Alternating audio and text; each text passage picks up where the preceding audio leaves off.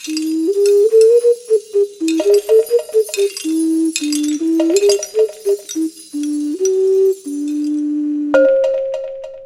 is Van een mooi bord kun je niet eten. Ik ben Anneleen. En ik ben Janine. We gaan vandaag bordje nummer 4 bespreken. Bordje nummer 4. Ik heb het je nog niet laten zien, hè? Nee, ik ben bent- benieuwd. Kijk, hier is het bordje. Even groot als de vorige, maar toch een beetje anders. Zijn ze niet allemaal even groot? Jawel, ik draai ze allemaal even groot. Ongeveer. Want ze zijn handgedraaid natuurlijk, hè? Dus ehm, Dus niet perfect. nee, Enfin, op de millimeter op de- niet. nee, voilà. Op de centimeter juist.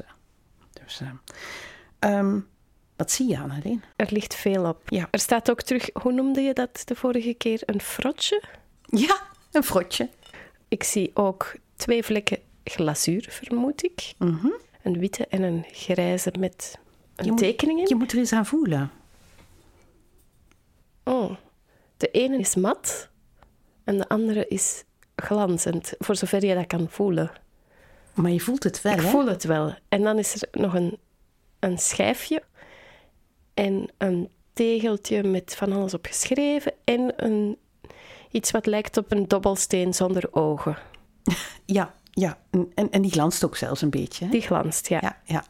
Het, het, eh, het is een bordje met eh, van alles op, ehm, maar die allemaal wel met eh, experimenteren met glazuren te maken heeft. Ehm, ik denk dat het verhaal begint bij het dobbelsteentje. Het dobbelsteentje zonder eh, puntjes dan, wat jij noemt, is ehm, gemaakt van glazuur. Ik was een glazuur aan het testen ehm, waarin ik klei heb gemengd. En hoe meer klei je in een glazuur doet, hoe minder dat die uitsmelt. En hoe meer dat die zelfs mee te boetseren valt. Dus eigenlijk is dat dobbelsteentje een mengsel tussen klei en glazuur tussenin. En daar kun je dus mee, mee spelen. Hoe meer klei erin zit, hoe minder dat het smelt. Hoe meer glazuur erin zit, hoe meer het smelt. En op die manier kun je proberen van op de temperatuur waar jij op wilt bakken, zorgen dat het net niet smelt en nog recht blijft staan. Dus je kunt eigenlijk met glazuur ook sculptuur maken. Maar dat mag je niet te hoog. Nee, want als ik dit weer eens eh 10 graden te hoog bak, kan het zijn dat het als een plasje uitsmelt. En dan zouden we drie plasjes hebben op dit bordje. Ja, ja, dus eigenlijk zie je hier een overgang van een, een dobbelsteentje wat de glazuur, eh, waar meer klei in zit. Dan zie je een wit plasje wat mat is, maar wel uitgesmolten is. Maar daar zit dus iets meer glazuur in, daar zit meer glas in, want glazuur is glas. En als je dan naar dat derde plasje kijkt, dat heeft al wel een kleur, glanst meer, daar zit nog meer glazuur in. Dus eigenlijk is het een overgang van de drie. Dus ook in mijn test, wat ik toen aan het doen was, zal ik met die drie verschillende variaties bezig zijn geweest. En het woord variatie is herkenbaar, dat heb ik in het bordje gestempeld. Aha. Aha. Maar je kan eigenlijk alleen nog maar va en si lezen. Ja, de rest zit onder het glazuur. Dat, eh, dat wil dus zeggen dat het is uitgesmolten. Dus ehm ehm, er overheen is uitgesmolten. Dus wie dit bordje mee naar huis neemt, moet de podcast wel luisteren om te weten te komen. Dat daar variatie staat. Ja. Want ja, nou staat er, je zou op vakantie kunnen denken dat er zou staan. Oh, Ah, misschien is misschien eh, moeten we dat dan helemaal niet verklappen. Zullen we deze podcast opnieuw? maar er staat ook nog iets geschreven met potlood, denk ik, op dat tegeltje. Ja, dat is een keramisch potlood, een blauw. Ehm, daar geef ik eh, heel vaak aantekeningen bij al mijn experimenten. Ehm, en dat bakt niet weg. Dus in dat potlood zit een metaaloxide, een blauw, kobalt vermoedelijk, ehm, die, die niet wegbakt. En dan kun je dus meeschrijven als een potlood. Maar dat lijkt wel een chemische formule wat daar staat. Ja, ja, dat is een codetaal BG1. Zal een nummering zijn in mijn eh, aantekenboekje, wat ik natuurlijk heb.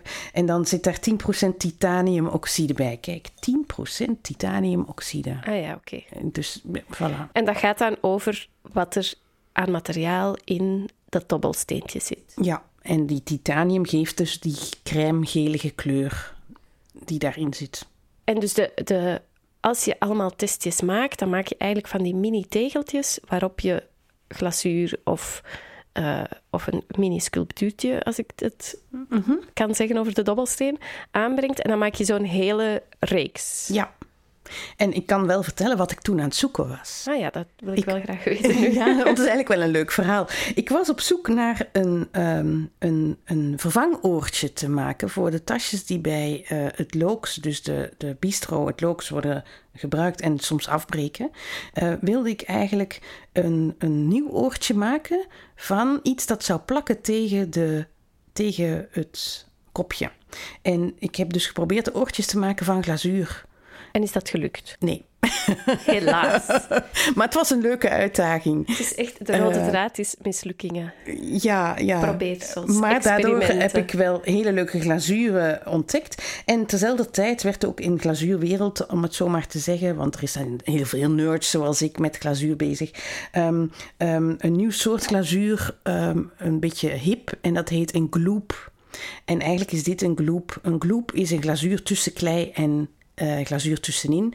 En die dus eigenlijk een, een soort van stroperigheid heeft die zo hoog is dat die niet uitsmelt. Eigenlijk, als we gaan kijken naar wat de artistieke toepassingen zijn, in plaats van. Jij was op zoek naar een functionele toepassing. Functionele toepassing. Maar ondertussen ben je wel in tune met de artistieke... Het is een, een evenwichtsspelletje. Hè, van kan ik het toepassen voor iets functioneel, als bijvoorbeeld een oortje, um, of net niet. Maar als het dan niet is, kan het eventueel wel voor sculptuur dienen. Dus het is een, een evenwichtsspel dat je in de keramiek een beetje kunt, kunt bespelen. Tussen functie en uh, kunst. En ook wel iets dat echt terugkomt in jouw persoonlijk werk. Want je maakt wel servies voor uh, Bistro Het Looks. Maar je bent ook heel artistiek aan het werk. Ja. Ja, het, het, het leuke is dat evenwicht. Dat blijft mij fascineren en boeien. En dat, dat is ook mijn drijfveer. Dus voor iets functioneel, iets uit te zoeken. In al mijn vallen en opstaan, in dat uitzoeken, kom ik toffe dingen tegen die ik dan weer in mijn artistieke project uh, toepas. Dus dat is een, een, een continue um, ja, evenwichtsspel dat ik speel en waar ik heel veel plezier aan heb. Er zijn nog twee dingen waar ik nieuwsgierig over ben. -hmm. Er zitten een soort draadjes aan tekening in het, in het plasje dat het meest glazuur was. Ja, ik weet niet wat dat is.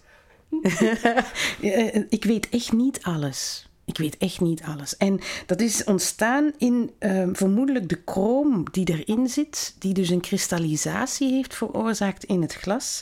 En ja, dat heeft met een, een fase in het smelten te maken. En ik zou soms wel een vlieg in de oven willen zijn en stiekem meekijken wat er tijdens dat smeltproces gebeurt. Maar helaas, er zit geen raampje in mijn oven, dus ik kan niet kijken. Nee, en een vlieg zou het ook niet overleven. Nee. Maar het is dus wel niet zo gemakkelijk om dat te reproduceren als je dat zou willen doen. Nee, nee, want vermoedelijk ligt dat aan de dikte die dat plasje heeft gemaakt, waardoor dat die gekke kristallisatie is gebeurd. Dus, uh, en dat ligt dan ook nog in de afkoeling. Dus, en de afkoeling van een oven kan je sturen, um, maar deze zal toevallig zo zijn gebeurd. En ik weet niet wat er precies is gebeurd. Wat mij wel, dat is dan het laatste dingetje dat op het bordje ligt, wat mij wel een indicatie geeft en waar ik dus ook vaak mee werk, is dat ringetje dat ernaast ligt. Okay. Daarnaast ligt een, een gekocht PTCR-ringetje. Vraag me niet naar die afkorting, weet ik niet zo gauw. Uh, het is een ringetje dat wordt verkocht als temperatuurgraadmeter in de oven. Dus ik leg die ringetjes op verschillende plaatsen in mijn oven. Uh, die hebben een bepaalde maat voordat ze gebakken worden, die door de fabriek is bepaald. En als ze dan gebakken zijn, zijn ze gekrompen. Dus alles van keramisch materiaal krimpt in de oven. En na het bakken kan ik die met een heel exacte uh, caliber nameten dus met een schuifmaat. En um, dan weet ik hoeveel millimeter, fractie van een millimeter dat dat gekrompen is. En kan ik op een schema kijken wat de temperatuur eigenlijk werkelijk is geweest in mijn oven.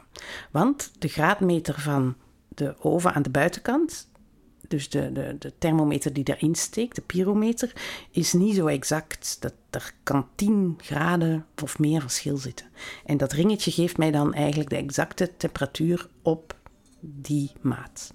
Maar dat wil daarom nog niet zeggen dat je terug opnieuw op diezelfde temperatuur zou kunnen bakken. Nee, er zit nogal veel toeval in het geheel. We proberen het, het proces grip op te krijgen en een beetje controle op te hebben, maar eigenlijk is er ook wel ja, veel toeval in het spel.